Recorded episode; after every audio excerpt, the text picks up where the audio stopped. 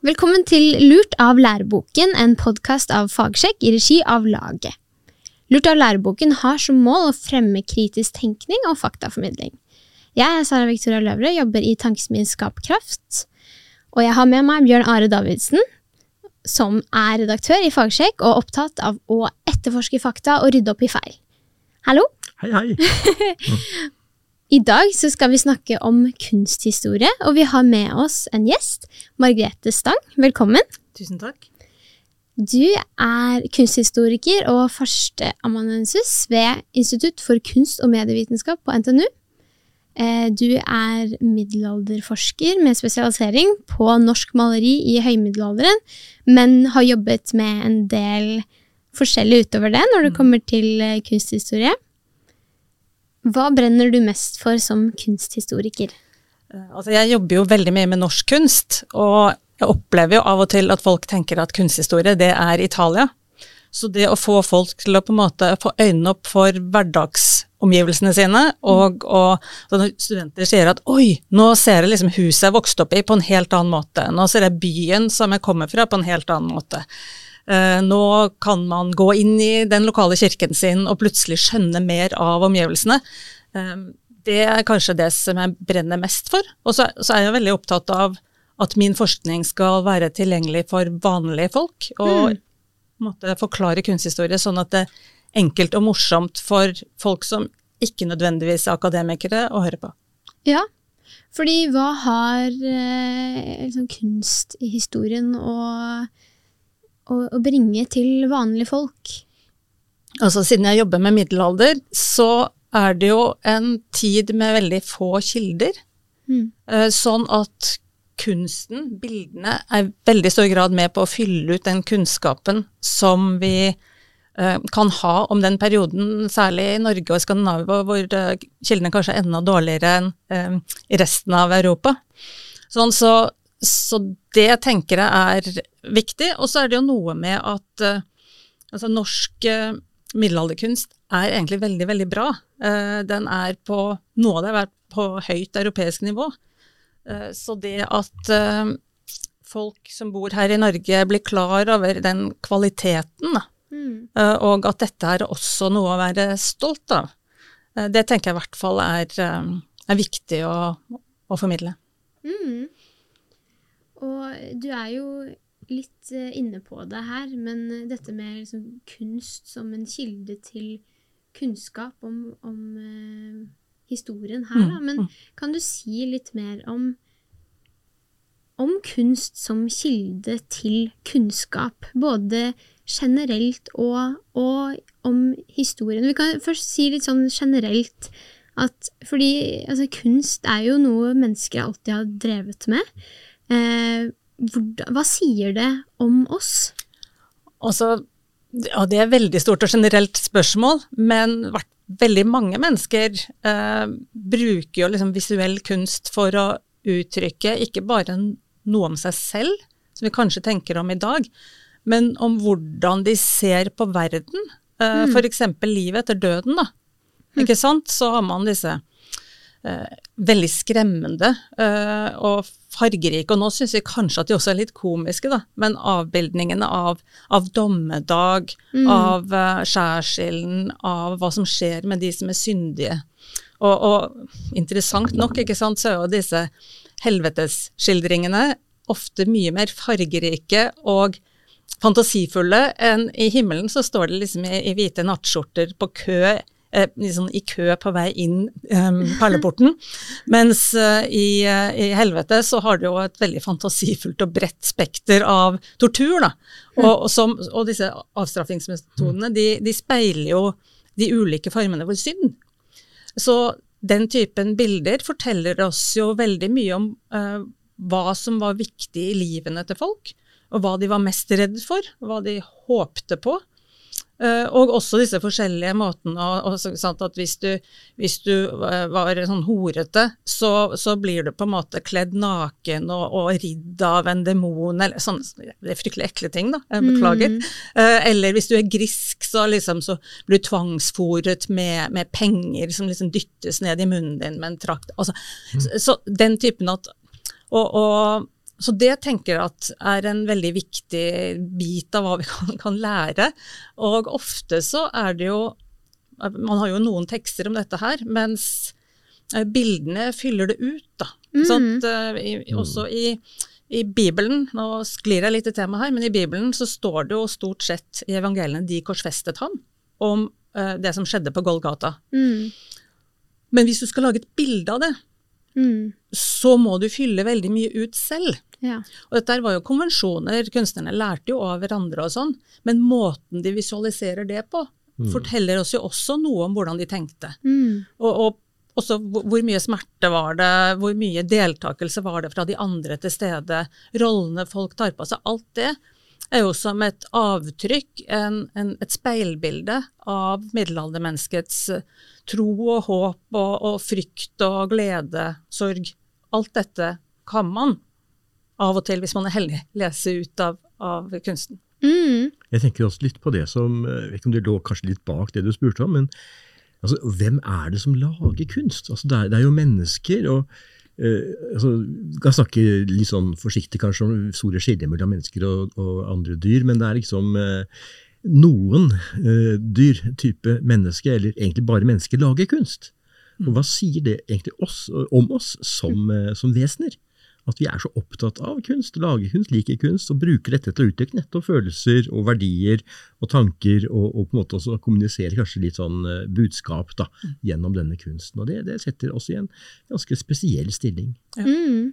Og der tenker jeg jo faktisk at dette med livet etter døden er noe som vi finner i flere kulturer. Helt åpenbart ikke andre kulturer. To verdensreligioner, islam og jødedommen, har jo bildeforbud som tolkes riktignok ganske ulikt, også innenfor de religionene. Men, eh, men hvis man ser på en måte den globale verdenshistorien, da, så er det mye av den kunsten som produseres, um, særlig i eldre tid, for lenge siden, den gamle kunsten, tenker jo både kunsthistorikere, men ikke minst arkeologer, at uh, ofte gjenspeiler Altså vi ønsker å visualisere det vi ikke kan se, eller det vi ennå ikke kan se. Den forestillingen om hva som skjer med de rundt oss etter døden, og en selv selvfølgelig etter døden. Det, det er noe som kunst eh, i veldig stor grad brukes til, og som er et litt sånn grunnleggende. Og så er det jo selvfølgelig sånn, ikke sant. Jeg vil ha en uh, bøffelmiddag, og så tar man og maler uh, bøffeljakt på huleveggen. Det er en veldig forenkling, og jeg er jo ikke steinalder, uh, jeg er ikke ekspert på hulemalerier. Men, men det er jo ikke for langt å tenke. Altså, det, er jo- det er jo andre typer visualisering, at man, man tegner eller maler. En slags avansert form for eh, bestilling til bordet. Ja, ja, det er en, absolutt en måte å se det på. Mm. Jeg, jeg syns det er utrolig spennende å, å høre, høre om hvordan eh, ja, kunsten eh, reflekterer det synet på livet og etterlivet eh, som mennesker har. Da. Eh, du har jo spesialisert deg i middelalderkunst. Kan du si litt om hvorfor akkurat den epoken eh, fanget oppmerksomheten din?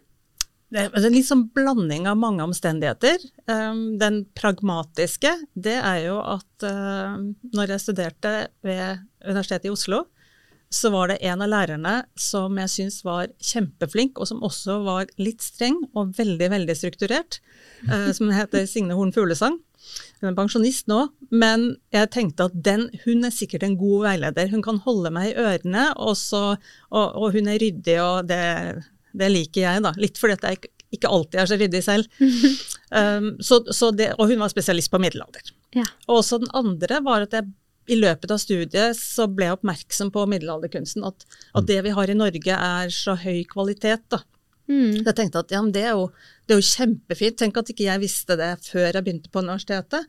Uh, og her på en måte hva skal jeg si, misjon, da. Men, men jeg ble veldig sånn begeistret over eh, det, og, og følte det litt som en sånn eh, oppdagelse fra min side, selv om folk har visst dette i 100 år. Men, uh, men det blir litt sånn nisje, da. Så Mm.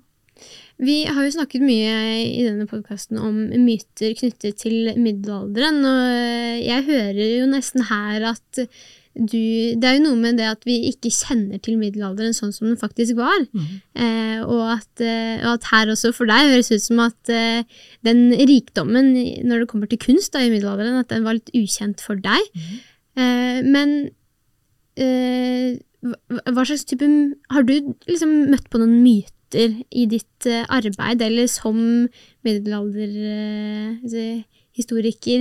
Uh, uh, Absolutt. Det, man møter jo hele, hele, veien. Jeg har jo tenkt litt på det spørsmålet på forhånd. Så det er liksom alt fra at der hvor det blir bygget kirker, har det vært et hov? Det, det, har det helt sikkert på enkelte steder. Mm. Mære i Trøndelag et sånt sted. Frøsø i, i, Sverige, eller ikke ved Østersund et annet sånt sted. Det er helt klart at det er sånne steder, og det er jo mange kirker som heter Hoff kirke. Um, men det er ikke med nødvendighet. Sånn, sant? Det er ikke alltid at hvis du har en middelalderkirke, så har det vært et hov der. Så det er en ting. Ehm, folk tror at det ikke fantes kvinnelige håndverkere i middelalderen, altså det vi kaller kunstnere, da. Men i hvert fall, mm. vi har én skriftlig kilde som snakker om en som heter det samme som Margrethe, som bodde på Island på 1100-tallet. Og hun var den dyktigste uh, beinskjæreren da. på mm. Island, står det i sagaen. Hun laget sånne skulpturer som skar med kniv i, i hvalrosstann. Mm. Tenk på det sjakkbrikkene fra Louis, som mange mm. kjenner, da, ikke minst fra Harry Potter. Men, men, eh, men altså, hun, hun, har ikke skåret dem, for det ble på en måte stem, sånn, Det er faktisk en amerikansk journalist som mener det, men det, det er også en myte, så den, ikke hør på den. Men, men, og hun var prestekone, så det er jo også dette her med sølibatet. da, At ja, det var sølibat for prestene i, i middelalderen. Det var den katolske kirke som er i dag. Mm. men, men steder som Island eh, tok det veldig veldig lang tid å innføre. Eh, for så vidt også i hele Europa så var det jo brudd på dette. Så hun Margrethe hun var prestefrue og eh, kunsthåndverker, da. Så det er jo i hvert fall en overraskelse folk får. Litt av en dame? Ja, ja virkelig. virkelig en flott dame. Så dette her er jo kanskje litt, litt mer obskurt, da. Um, og det at folk det er ofte når du er på sånn guidinger og sånn, at folk sier at i middelalderen så var jo messen på latin. sånn at Folk skjønte ingenting. Mm. Og det ligger vel under det en slags insinuasjon av at eh, de på en måte ikke Nærmest ikke helt var kristne ennå. Altså litt mm. sånne ting. Mm. Men, men prekenen var jo på norsk eller norrønt. da, ikke sant? Vi har en, en kilde, som, gammelnorsk homiliebok, som, mm. som, faktisk har masse prekentekster som ble fremført i, i kirkene. Så, så, på en måte liturgien, da, den var på latin. Og den, det er litt sånn som altså, Kyrie leser, han er jo gresk, da, men vi bruker jo fortsatt det i kirken, vi som går i kirken. Mm. Uh, og, og, sånn at Eller for så vidt ja, jeg, tror, ja, jeg, jeg tenker at uh, man hadde altså, bønner, pater noster, altså Ave mm. Maria, alle disse uh, bønnene som jeg tror at folk uh, forsto og bar i hjertene sine. Og altså En veldig veldig vanlig graffiti i middelalderen er jo mm. nettopp Ave Maria. Jeg tror folk lærte å skrive Ave Maria før de lærte å skrive sitt eget navn. Mm. Og Pater Noster litt det samme, men Ave Maria er veldig sånn visuelt litt sånn enklere også. Færre bokstaver. Um, sånn, og så hadde de en preken da, på, på folkespråket, det de mm. snakket selv. Det, det er ganske unikt for det Norge, det vestlige, altså vi har det fra England. Mm. Um, men uh, Så jeg tror at folk har visst veldig godt hva som foregikk i gudstjenesten. Og uh, den sånn type sånn um, vrangforståelse av middelalderen, nesten, tenker jeg mm. det, å, å si at de, liksom, nei, de fikk ikke med seg, og det var så fjernt for dem. Uh, det selvfølgelig, det ble nærmere når man fikk en reformasjon og måtte, fikk enda mer på folkespråket, men det var en veldig langsom prosess. Og de, var, folk var liksom ikke sånn uh, dumme og uvitende. Det tenker jeg er veldig viktig. Jeg var på en omvisning i en stavkirke en gang, og da var det først en av disse litt unge guidene som fortalte at her var det så mørkt og, og sånt i den kirken i gudstjenester. Eh, og så der viste han med stolthet fram den store lysekronen. Det var liksom en eller annen form for liksom, den store liksom, Ja. saken å se på i denne kirken. Nei, what? Liksom, på den ene siden sånn, så han en lysekron. Men det som har slått meg også når det gjelder myter Vi har snakket en del om dette med misforståelsen om at man i middelalderen trodde jorden var flat. Og så har jeg sett en del på disse fremstillingene av Olav den hellige, hvor han nesten på ja, det er veldig mange figurer og, og tegninger har jordkloden i, i venstre hånd. Mm. Og, og da slår det meg liksom at hvis det var noe som kanskje er typisk for middelalderens mennesker, var jo nettopp at de visste at jorden var, var, var rund, for de så jo det på liksom, overalt. Ja, altså Det er jo egentlig Tror vel i veldig mange kulturer så har man skjønt at jorden har vært rund. Fordi at de som er på en måte intellektuelt nysgjerrige og har på en måte observasjonsevne, og litt kanskje med topografien der man bor, men sånn at man ser et skip på horisonten, ikke sant? og så ser man mer og mer av det ettersom det, det nærmer seg. Så en forståelse av at jordkloden er, er kuleformet, har veldig mange hatt. Og de middelalderske avbildningene av verden viser jo at den er, er rund. Men man hadde vel stort sett en forståelse av at eh, måte, de bitene som vi ser, eh, er på toppen. Mm. Så man visste ikke hva som befant seg på den andre siden, og antok vel kanskje at det ikke var noen ting. Eh, Sånn at eh, disse middelalderske eh, fremstillingene av jordkloden viser Afrika, Asia og Europa.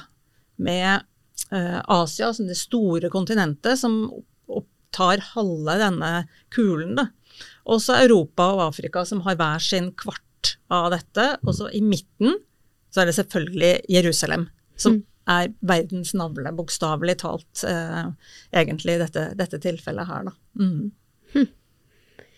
Ehm, du var litt inne på det, men eh, dette med at folk eh, forsto bedre den k- kristne religionen enn det som kanskje ofte folk tror i dag, da.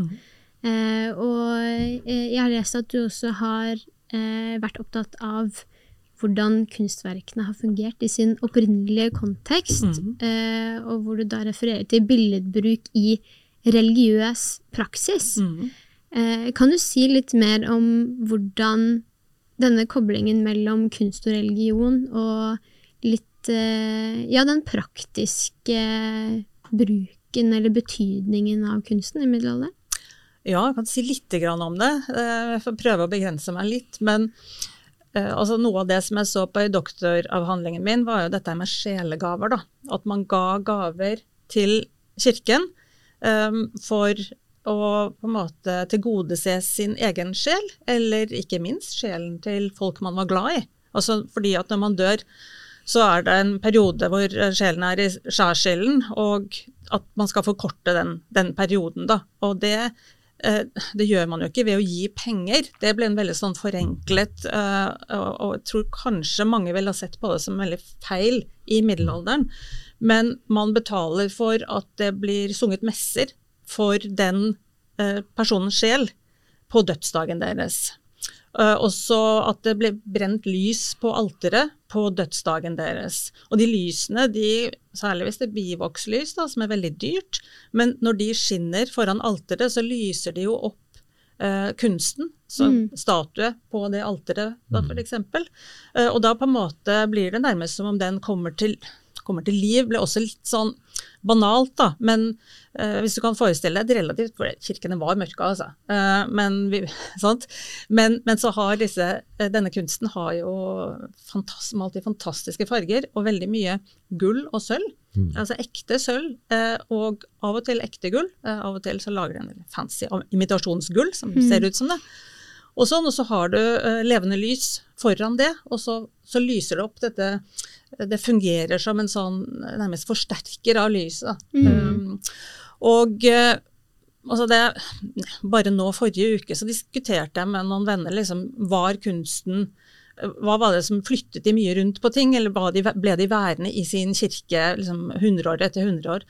Og, og jeg begynte å tenke på det, så tenkte jeg at nei, vet du hva, fordi at folk, folk husker at vet du hva, oldefaren min han ga det bildet, den statuen, til kirken vår, og vi skal be for hans sjel, og vi husker dødsdagen hans. Og, og hvis man tar den skulpturen ut av kirken, da, så på en måte så går man jo mot, mot hans vilje. Og også fratar oss den, den, påminnelsen om å be for oldefars sjel. Altså den, så det, det er et, et, intimt forhold mellom um, den, den, kunsten, de bildene, helgenbildene som folk krusifiks, som folk hadde rundt seg, og personene som hadde levd med dem, og kanskje levd lenge før dem. Men man knytter på en måte ganske personlige bånd. Mm. Uh, og, og, jeg har også vært litt opptatt av dette med, med hvem som har finansiert. da. Mm. Og disse sjelegavene blir veldig, veldig viktige. Kildene er ganske dårlige, så jeg vet jo ikke hvor mange av dem som var det. Men jeg, jeg tror Altså Jeg er litt uenig med de som mener at liksom prestene styrte det ikonografiske programmet, som vi sier. Altså De styrte hvilke bilder som vi skal vise, og hvilke statuer som vi skal ha. og dette her. Vi tenker litt sånn som Den norske kirke var på 1800- og 1900-tallet, med presten som på en måte, og at på en måte sokneråd og sånne ting som der. Men, men egentlig, og dette her kjenner vi også fra på en måte nyere tid, ikke sant, at folk har brodert en duk som er på mm. alteret. Nettopp nå tror jeg var nyheten i går. Den dame som har brodert en duk til Nidarosdomen. Mm. Eh, riktignok så var det på bestilling, da. Men ikke sant, men i små eh, kirker rundt omkring i landet, kanskje særlig på bygda, så har man jo mm. fortsatt det. Treskjærer som har laget disse brudestolene som står mm. foran, og, og, alle slags ryer som er knyttet, som henger på veggene. Og, og sånn mener jeg at det var rundbaut i middelalderen. Mm. Og jeg kan godt se for meg at det kommer en storkar som er mye rikere og mektigere enn presten, og sier 'jeg vil ha det sånn'. Og presten sier 'ok'. Kjempefint. Og ikke det jeg hadde tenkt meg, men sånt. Eh, så, så, og det, det, går også litt på hvordan jeg tolker de bildene. Da. At jeg tenker at Av og til er det ikke kanskje den dypeste fil filosofien, den store teologien som ligger bak, men folk vil ha yndlingshelgenen sin. Folk vil ha eh, Sankt Nikolas fordi at han eh, er liksom bra for eh, folk som er på reise, uh, og reiser mm. på sjøen, og mm. kanskje man ønsker at har et barn som er druknet, kanskje man ønsker en helgen som mm. kan være bra på det. Altså, den typen ting, da. Mm, så det er rett og slett uh, noe folkelig over det, at ja. folk fikk sette sitt preg og, på kunsten og uttrykket i kirka. Ja, og jeg, jeg tror jo at noen kunsthistorikere liker at det skal være litt mer sånn intellektuelt stimulerende og teologisk, fordi vi ser oss litt som prester. da, ikke sant? Presten mm. står og forklarer for menighetene og sånn, og det er veldig likt hvordan kunsthistorikere jobber. Så prøve å legge bort den yrkesfordommen der. Mm. Nei, jeg syns det er utrolig interessant, dette med Ja, vi er liksom inne på Det handler jo også om eh, liksom, maktperspektiver, og litt det som du også var inne på når jeg spurte om, om myter knyttet til middelalderen. at Eh, og også som i likhet med det vi har snakket om tidligere her, da, at ofte så har man jo disse tankene om at, eh, om at det var voldsomt maktmisbruk, det var veldig ovenfra og ned, eh, kirken som styrte og herjet, mm. og folk eh, flest hadde ingenting de skulle ha sagt, liksom. Mm. men også kunsten viser et annet bilde. Men er det også Eh, hva skal vi si, sånn finansiering, for eksempel sånt, da. Dette med når kristningen kom og man skulle sette opp kirker og liksom, Hvordan gikk dette for seg? Ble det at liksom folk eh, fikk det verre fordi at nå skal vi sette opp en kirke, eller var det en slags dugnadsånd? Var folk positive? Veldig stort spørsmål. Eh, det kan jeg snakke om et par timer, da. Men, men når kristningen kom, så var i starten var det nok et elitefenomen. Da tenker jeg at det var i stor grad folk som har møtt kristendommen eh, når de har vært på reise. Og det disse ja, vi, på en måte starter med plyndringstokt og handel, og så blir det mer settlervirksomhet, f.eks. på de britiske øyer. Så kom mm. det misjonærer hit, som mer eller mindre vellykkede, da.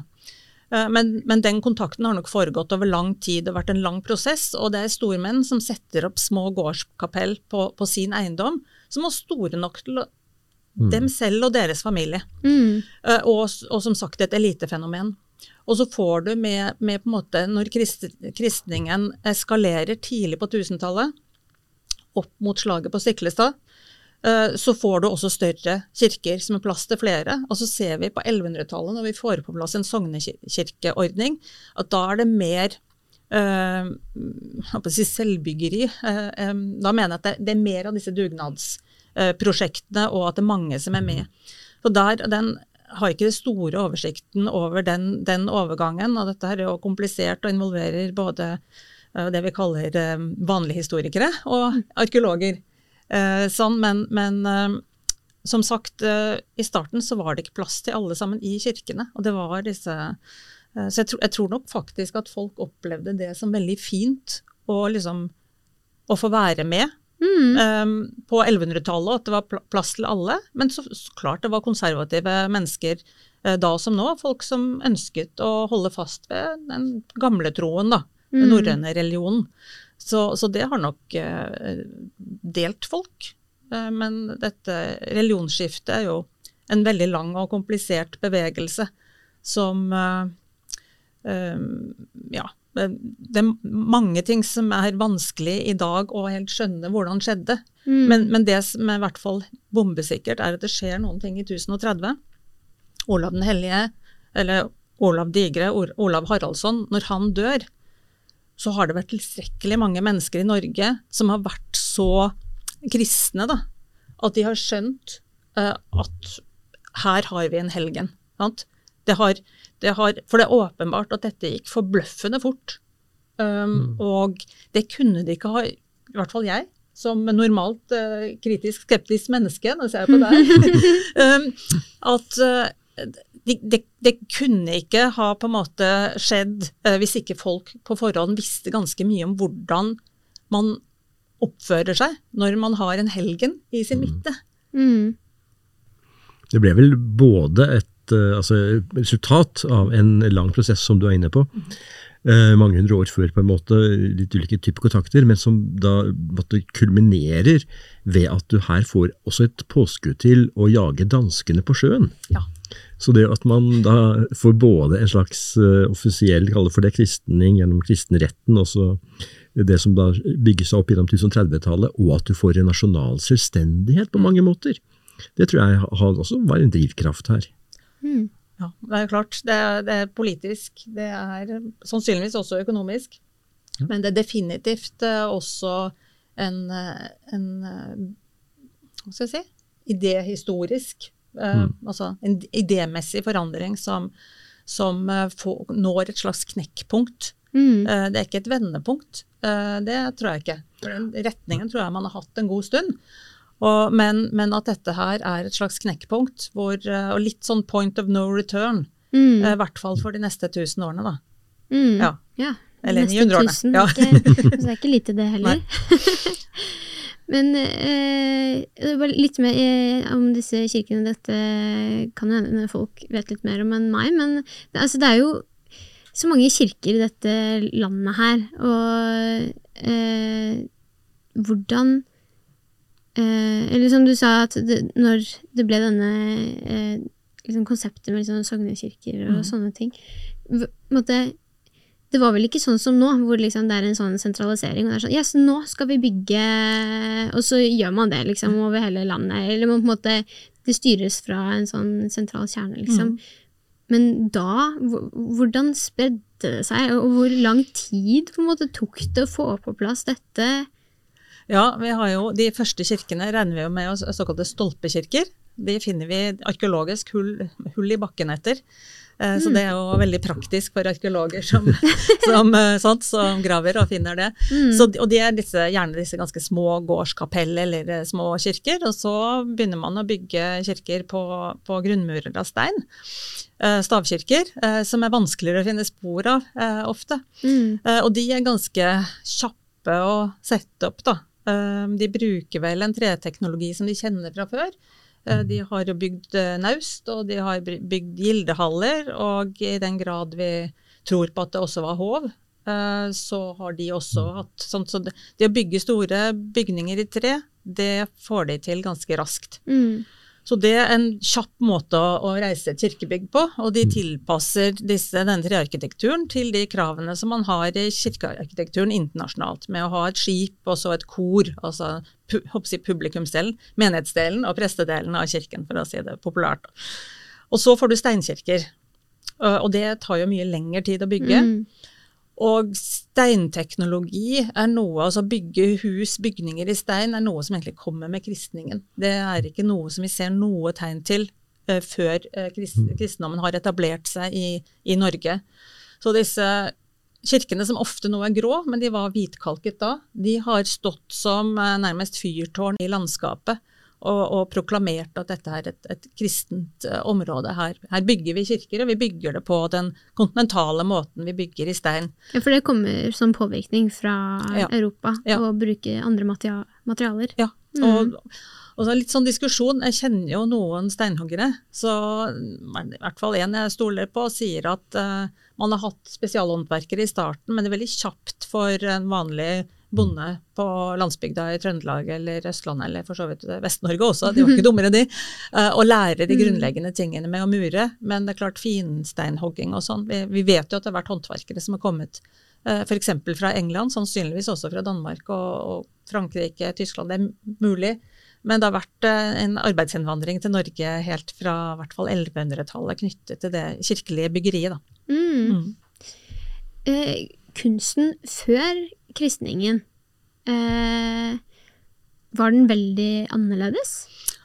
Å, det er et vanskelig spørsmål, da. På et vis så har vi jo altså I Europa så snakker vi om middelalder fra 500-600-700-tallet, alt ettersom hvem du spør.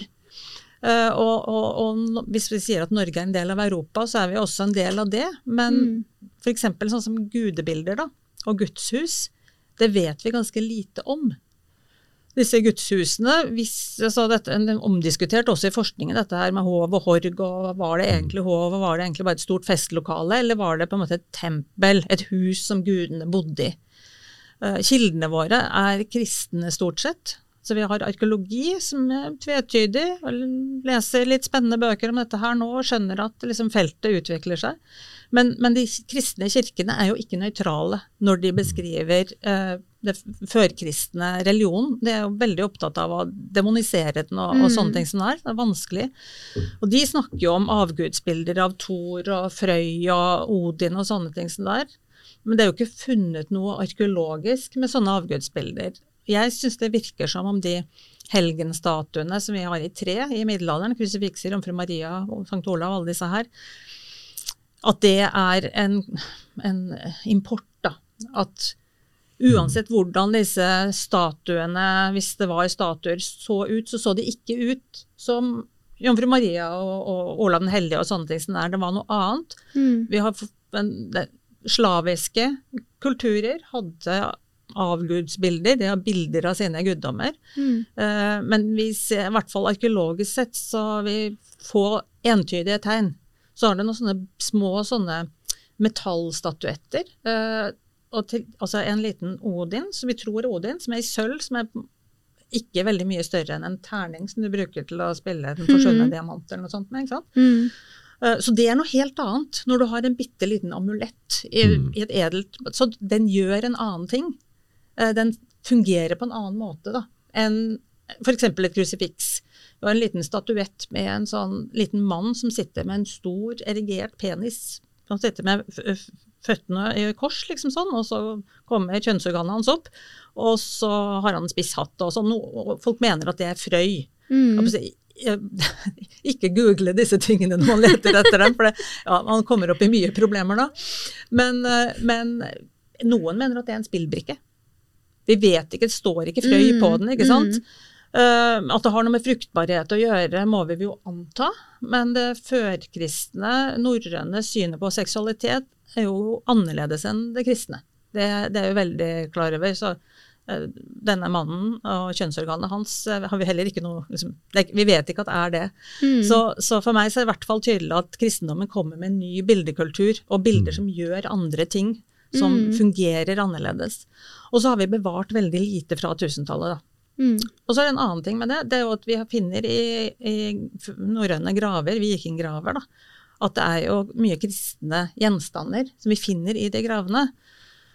Og det er en veldig spennende artikkel som kom for fire-fem år siden. Aina Heen Petersen hun mener jo at de relikvieskrinene som vi finner i, i, skandinaviske graver, særlig i den tidlige perioden, da, når det er mye plyndring og lite handel, at nydelige emaljerte relikvieskrin legges fortrinnsvis i kvinnegraver. Og hun mener at dette er ikke smykkeskrin, men at når man har tatt disse objektene fra en religiøs kontekst, så har man forstått at det er en religiøs kontekst. Mm. Og at grunnen til at de er med denne eh, kvinnen, som gjerne er da, til det neste livet eh, altså, Det er ikke noe sånt de på en måte sikrer seg ved å kristne henne, det er, ikke- det er ikke det hun mener i det hele tatt. Men at det sannsynligvis har hatt en eller annen kultisk funksjon i, i Norge Mm. før de blir lagt i et gravgods. Så det er liksom ikke noe å ha på kaminhyllen og liksom vise frem 'dette har kjæresten min tatt med fra England'-type ting. Mhm. Men, men at man, man har en ærefrykt, en forståelse av at dette her er en magisk, eh, eller en, en, et objekt med virkning. Da. Det syns jeg er kjempespennende. Og Hva Mm. tenker du om eh, forholdet mellom eh, disse smykkene vi ser, altså kors på den ene siden og torshammere på den andre? Mhm. Er, er disse torshammerne, er de, blir de brukt sånn som eh, korset ble brukt? Altså, De blir i hvert fall brukt som amuletter, det virker det som.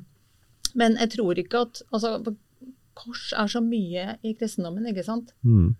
Og skal jeg snart nå i sommer begynne å skrive en artikkel eh, hvor jeg skal skrive om kors og krusifiks. Så, så dette har liksom summet litt i bakhodet mitt de siste dagene. Men sånt, kors er jo også å gjøre korsets tegn. Eh, kors er det som Jesus ble korsfestet med. Det er liksom ikke bare en, liksom ikke en logo, eh, sånn som betyr kristendommen, ikke sant. Men, men det, har, eh, det har mange betydninger. Store katedraler bygges i korsform.